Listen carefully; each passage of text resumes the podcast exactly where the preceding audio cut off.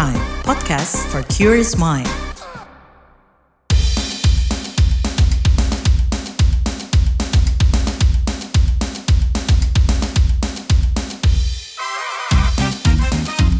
What's Trending KBR Pagi, siaran pagi radio paling update. KBR Pagi, siaran pagi radio paling update. Selamat pagi, apa kabar kalian semuanya di hari Selasa, 6 Juni 2023. Kembali lagi saya Don Brady menjadi teman pagi hari kalian semuanya di What's Trending KBR Pagi pastinya. Nah jadi Federasi Serikat Guru Indonesia atau FSGI itu mencatat ada 22 kasus kekerasan seksual dari Januari hingga Mei 2023 di satuan pendidikan. Satuan pendidikan yang dimaksud berada di bawah kewenangan Kemendikbudristek dan Kementerian Agama. Korbannya mencapai 202 peserta didik, yang artinya terjadi satu kasus kekerasan seksual setiap pekannya. Pelaku kekerasan seksualnya adalah orang-orang yang seharusnya dihormati dan melindungi anak-anak. Paling banyak pelakunya adalah guru, disusul pemilik atau pemimpin pondok pesantren, kepala sekolah, guru ngaji, dan pengasuh asrama atau pondok pesantren. Nah, siapa pun yang mendapat atau mengetahui adanya tindak pelecehan hingga kekerasan seksual bisa mengakses layanan dari Kementerian Pemberdayaan Perempuan dan Perlindungan Anak di hotline Sahabat Perempuan dan Anak 129 atau WhatsApp 08111 129 129. Kita bahas lebih lanjut tapi setelah komentar netizen plus 62 berikut ini.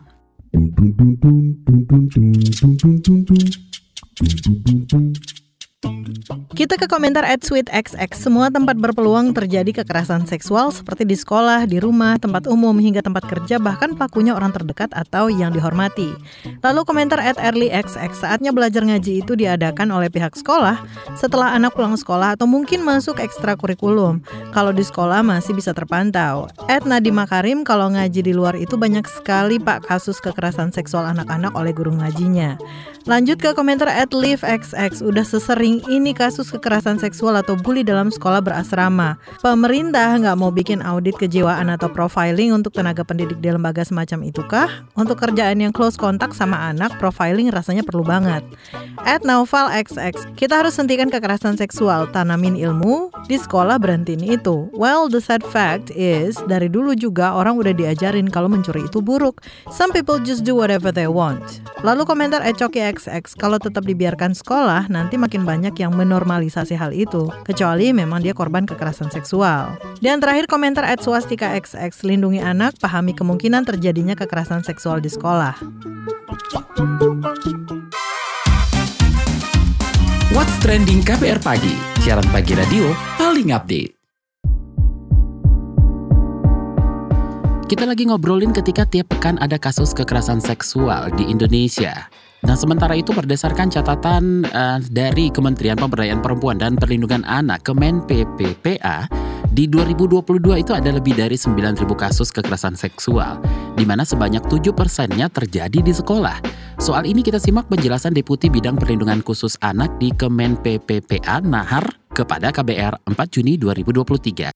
Nah, untuk menjelaskan seberapa efektif dari regulasi dan kebijakan yang dilakukan itu kita merujuk ke beberapa beberapa indikator gitu ya. Yang pertama, ketika bicara soal efektivitas hukum kan eh, lihat misalnya substansi substansi hukumnya apakah sudah lengkap mengatur sedemikian rupa sehingga bisa mencegah terjadinya kasus-kasus kekerasan termasuk kekerasan di sekolah gitu ya. Lalu kemudian yang kedua strukturnya gitu ya. Struktur itu sudah dibangun atau belum lengkap atau tidak gitu ya. Ada sarana prasarana, lalu kemudian DM-nya eh, dan kelengkapan lainnya gitu ya. Eh, termasuk misalnya dalam pelaksanaan di sekolah itu ada nggak mekanisme yang dilakukan di sekolah-sekolah gitu ya. Yang ketiga itu ya tentu budaya gitu ya, budaya budaya hukum terkait dengan bahwa misalnya antara peserta didik dan dan tenaga pendidik uh, paham bagaimana berperan gitu ya ketika bicara soal substansinya. Kemendikbud itu sudah mengeluarkan dua peraturan gitu ya, peraturan terkait dengan pencegahan dan penanganan kekerasan di lingkungan sekolah dan juga terkait dengan penanganan pencegahan tindak Iya kekerasan seksual di perguruan tinggi kalau yang terakhir itu. Dan pendidikan keagamaan juga Kementerian Agama sudah mengeluarkan peraturan Menteri Agama. Itu juga dikembangkan masing-masing di kementerian lembaga. Bahkan ada strategi nasional penghapusan kekerasan terhadap anak gitu ya, hmm. Perpres 101 tahun 2021. Jadi dari sisi substansinya hanya memang ada beberapa catatan perlu dilengkapi lalu kemudian sarana prasarana misalnya masih butuh dilengkapi gitu ya. Nah, seperti apa aja sih modus-modus kekerasan seksual di sekolah? Berikut penuturan dari staf advokasi dan pengorganisasian masyarakat Women's Crisis Center Jombang, Novita Sari di ruang publik KBR. Ya, jadi ada beberapa kasus kekerasan seksual yang ini berbasis pendidikan, pendidikan secara umum ataupun pendidikan di ranah berbasis agama pesantren gitu kan. Jadi hmm. beberapa tahun terakhir ini gitu kan uh, waktu itu sempat ada satu sekolah itu korbannya semoga aku tidak salah menyebutkan 23 apa 24 begitu kan.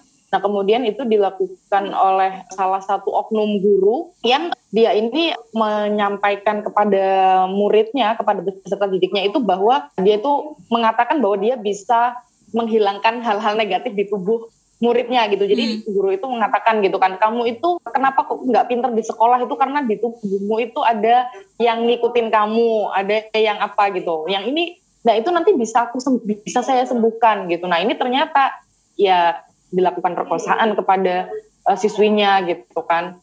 Nah, itu salah satunya. Kemudian dan ketika ada salah satu murid yang mencoba menyampaikan kepada guru yang lain, guru yang lain tidak percaya. Karena waktu itu uh, sosok oknum guru yang melakukan tadi itu bersentuhan dengan ketika salaman gitu misalnya di depan orang banyak tuh nggak mau yang sentuhan. Jadi mm-hmm. dianggapnya nggak mungkin gitu kan. Mm-hmm. dianggap yang dia pemahaman agamanya dianggap lebih mungkin begitu. Mm-hmm. itu ada salah seperti itu. Kemudian ada juga pernah waktu itu uh, korban itu ada tiga orang. Ini terjadinya di lingkup sekolah dasar pelakunya itu adalah kepala sekolah. Dan waktu itu dua korban itu kejadiannya memang sekali tapi ada satu korban yang dia itu kelas 6 SD waktu itu itu kejadiannya berulang.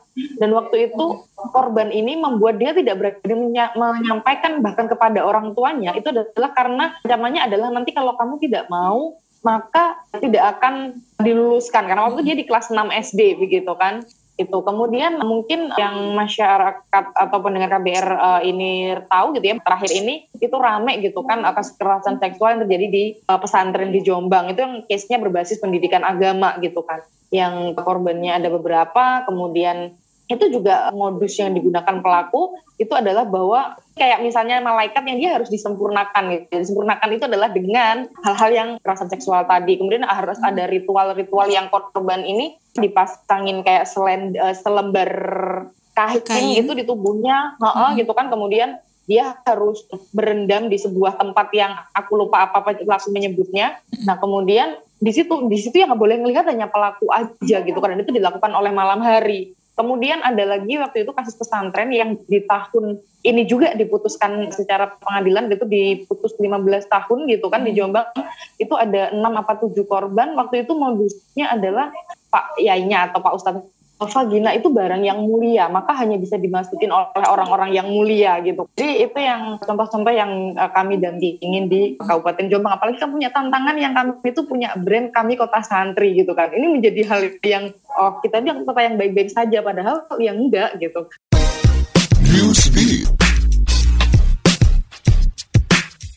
Pandemi COVID-19 berakhir Perserikatan Bangsa-Bangsa PBB mencatat peningkatan peredaran narkoba sintetis di wilayah Asia. Dalam laporan United Nations Office on Drugs and Crime (UNODC), peredaran narkoba sintetis di wilayah Asia ada di level ekstrim. Salah satu yang terparah ada di wilayah Asia Timur dan Tenggara yang mengalami lonjakan tertinggi sejak pandemi COVID-19. Menurut perwakilan UNODC, Jeremy Douglas, peningkatan peredaran narkoba dipicu pen pencabutan pembatasan perjalanan. Pencabutan segala pembatasan akibat COVID-19 ini membuat organisasi kriminal internasional memulai bisnisnya kembali.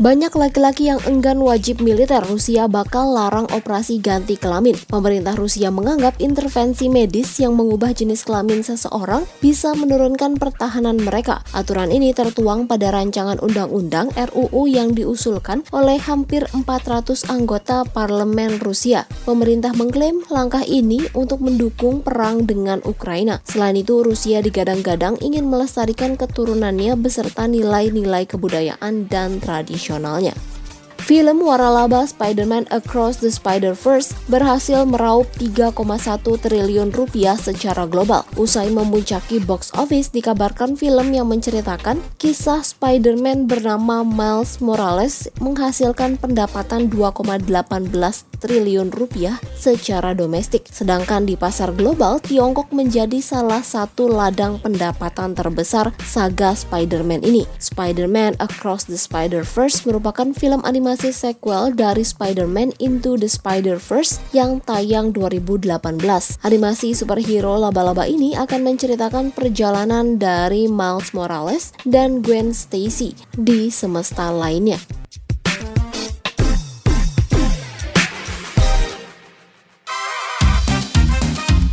What's Trending KPR Pagi, siaran pagi radio paling update.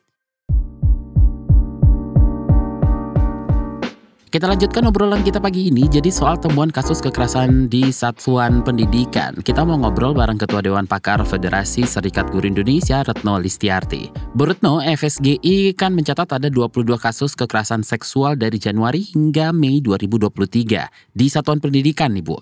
Kasus-kasusnya seperti apa? Misalnya untuk kasus terakhir di Makassar, guru olahraga. Anaknya dianggap melakukan pelanggaran ketika pembelajaran terjadi. Lalu disuruh menghadap ke tembok, disuruh membuka celana trainingnya selutut, kemudian delapan anak perempuan dan empat anak laki-laki diraba alat kelaminnya oleh si pelaku di hadapan anak yang lain. Jangan sampai ya ini kamu tuh ngelakuin hubungan seks atas nama cinta misalnya sama pacarmu atau sama orang yang kemudian baru kamu kenal di media sosial dan lain-lain itu penting loh diajarkan dan itu akan kemudian alasannya dikasih tahu misalnya tadi belum siap organ seksualnya tubuhmu untuk melakukan. Dampaknya bisa rusak. Misalnya kasus sulteng sekarang. Iya. Anak itu umur 15, kemudian diperkosa oleh banyak orang, dewasa, ya sudah pasti dia akan mengalami kerusakan bagian alat reproduksinya. Nah, itu hal yang sebenarnya menurut saya penting. Di Indonesia ini tidak biasa memberikan ruang anak-anak kita berekspresi. Tidak mau gitu misalnya eh, berekspresi tidak nyaman, menolak. Itu tuh nggak pernah di jarang orang tua yang mengajarkan. Nah, eh, sehingga anak-anak kita ini juga nggak biasa speak up ya, nggak biasa ngomong apa yang dia nggak suka gitu. Nah itu yang menurut saya penting misalnya gini ya, ada orang tamu datang, ayo salim, pada anaknya nggak mau, tapi dipaksa untuk salim. Nah itu hal yang bahaya juga. Jadi oh orang tua saya ngajarin kalau saya nggak mau boleh dipaksa gitu. Okay. Nah akibatnya kalau orang melakukan itu sama dia, uh-huh. ya dia jadinya ketika dipaksa orang dewasa dia akhirnya mau kan. Uh-huh. Nah ini yang menurut saya penting juga orang-orang tua gitu ya momentum ini yang ngajarin anak-anak untuk menyatakan ketidaksukaan, ketidaksetujuan ya dan biasakan untuk dia berani bicara. Orang tua juga harus mancing sebenarnya ketika anaknya kok ini anakku kelihatannya nggak ceria ya, ada apa ya? Nah itu harus juga dipancing. Bu, ini kan ada aturan-aturan terkait penanganan kekerasan seksual di satuan pendidikan seperti Permendikbudristek nomor 30 tahun 2021.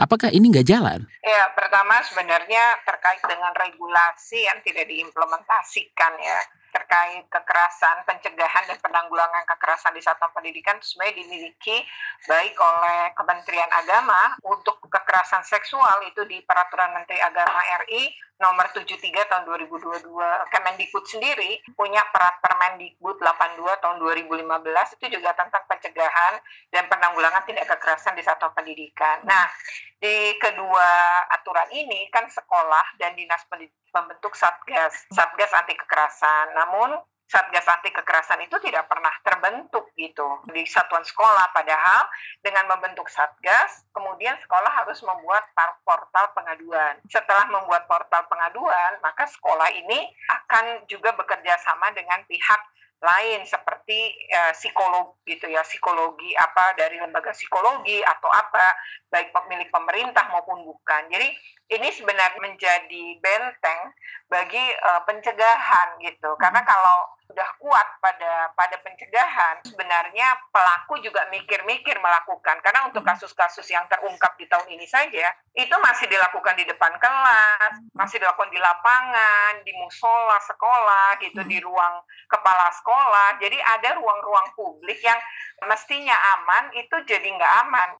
Nah, pendidikan seks sendiri sudah maksimal belum sih untuk mencegah terjadinya kekerasan seksual? Yang kedua, misalnya adalah terkait dengan bagaimana para orang tua juga sebenarnya membangun pendidikan seks ya sedari dini. Jadi kalau anak-anak udah diajarin bahwa pada bagian tubuhnya ada yang nggak boleh disentuh, apalagi juga nggak boleh dilihat, dilihat aja nggak boleh apalagi disentuh. Nah bagian itu biasa kita tutupi dengan handuk, bah, kalau berenang kita tutupi dengan baju renang gitu. Kenapa? Dan kalau ada yang megang, apa mau ngelihat mau megang maka itu orang orang jahat yang harus dilaporin ke orang tuanya gitu. Okay. Nah ini hal yang sebenarnya diajarkan tapi anak-anak SD misalnya dia nggak ngerti konsep pelecehan pencabulan itu boleh atau tidak karena memang nggak pernah diajarin. Nah lalu dari beberapa kasus yang muncul kemudian terungkap dengan belasan korban itu biasanya yang sadar itu cuma satu orang satu anak dan sepanjang tidak ada anak yang sadar itu pelaku aman banget Nah, ketika kemudian ada satu anak bicara kepada orang tuanya dan orang tuanya karena merasa ngedidik dengan itu dan paham segera ngelapor. Nah, lalu terungkap kan semua kasus hampir seperti itu. Itu menandakan bahwa pendidikan seks yang dianggap tabu di Indonesia itu keliru gitu. Justru kalau kita pingin melindungi anak-anak kita sedari dini, kita harus ngajarin anak-anak kita tentang pendidikan seks sesederhana tadi. Rekomendasinya seperti apa? Saya rasa sih sebenarnya pemerintah sudah mungkin kayak pemerintah pusat ya. Mereka kan memang tatarannya diregulasi ya. Jadi sebenarnya yang paling penting bagaimana bukan cuma aturannya bagus, tapi aturan itu terimplementasi tidak dengan baik. Jadi pemerintah pusat harus monef nih, monitoring dan evaluasi apakah sekolah-sekolah dan dinas-dinas pendidikan sudah membentuk satgas misalnya, hmm. portal pengaduan seperti apa gitu. Karena portal pengaduan nggak boleh sekolah, tapi dinas, dinas pendidikan, dinas pendidikan perlindungan anak gitu ya. Kemudian yang kedua adalah menurut saya pemerintah daerah nih dalam hal ini dinas-dinas pendidikan gitu ya atau uh, kalau di Kementerian Agama mungkin kantor-kantor Kementerian Agama di level kota maupun provinsi. Menurut saya penting mensosialisasikan, membantu pemerintah pusat untuk mensosialisasikan tadi aturan regulasi itu di lapangan sekolah-sekolah uh, mungkin perlu ya perlu dilakukan dan di sini didampingi oleh pemerintah pusat boleh saja gitu tapi bahwa pemerintah daerah harusnya punya sekolah dan guru serta murid ya harusnya yang menjadi terdepan melakukan itu gitu. Nah, berikutnya lagi adalah ketika penanganan ya. Kalau memang sudah terjadi, memang penegakan hukum harus ya. Jadi melaporkan para pelaku ke hukum apalagi kekerasan seksual. Menurut kami penting untuk itu kan agar terjadi efek jerah ke depannya. Namun ya selain itu kami juga ingin kita semua berpihak pada korban. Karena beberapa kasus penanganan di sekolah justru tidak berpihak kepada korban. Jadi para guru kepala sekolah jangan membela sejawatnya yang jelas pelaku. Ya tapi harus percaya dulu pada korban. Percayalah pada korban. Korban itu tidak mungkin mengarang cerita dirinya di cabuli gitu, nggak mungkin gitu, atau mengalami kekerasan seksual. Ya, tapi coba untuk percaya, karena untuk beberapa kasus nampaknya yang lebih dipercaya pelaku, karena pelaku itu orang yang tampak di luar tuh baik, sopan, kemudian juga alim, sehingga tidak mempercaya anak-anak. Nah ini menurut saya harus dibalik. Percayalah pada anak-anak. Guru-guru bukan penyidik. Jadi begitu ada pengaduan dan Anda tidak bisa menanganinya, ya laporkan saja kepada pihak berwajib yang kemudian menangani ini dan jangan pernah berpikir bahwa itu aib sekolah. Tapi justru kalau dilindungi para pelaku itu jadi aib sekolah. Saya pikir itu. Terima kasih Dewan Pakar Federasi Serikat Guru Indonesia Retno Listiarti.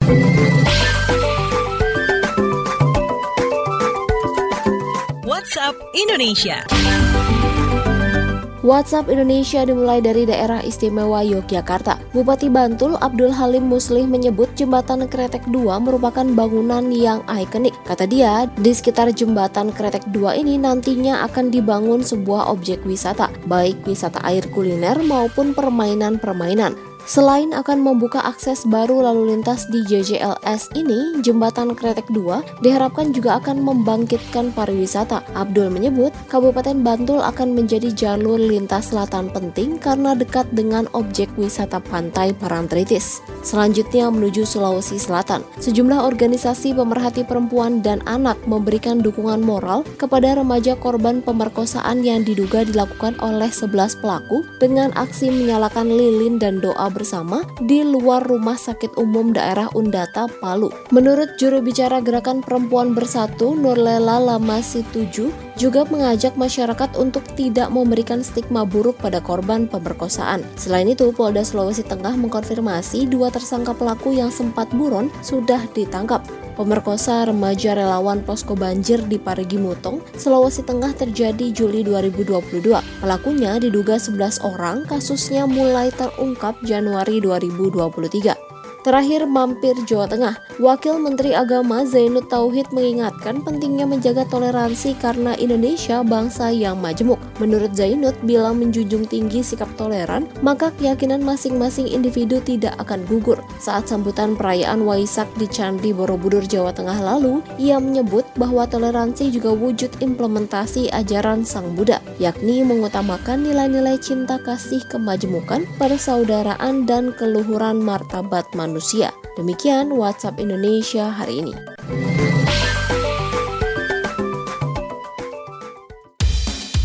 Terima kasih sudah mendengarkan What's Trending KBR Pagi. Jangan lupa tetap dengarkan podcast What's Trending di kbrprime.id dan di aplikasi mendengarkan podcast lainnya. Dan beri pamit, besok kita ketemu lagi. Stay safe, bye-bye.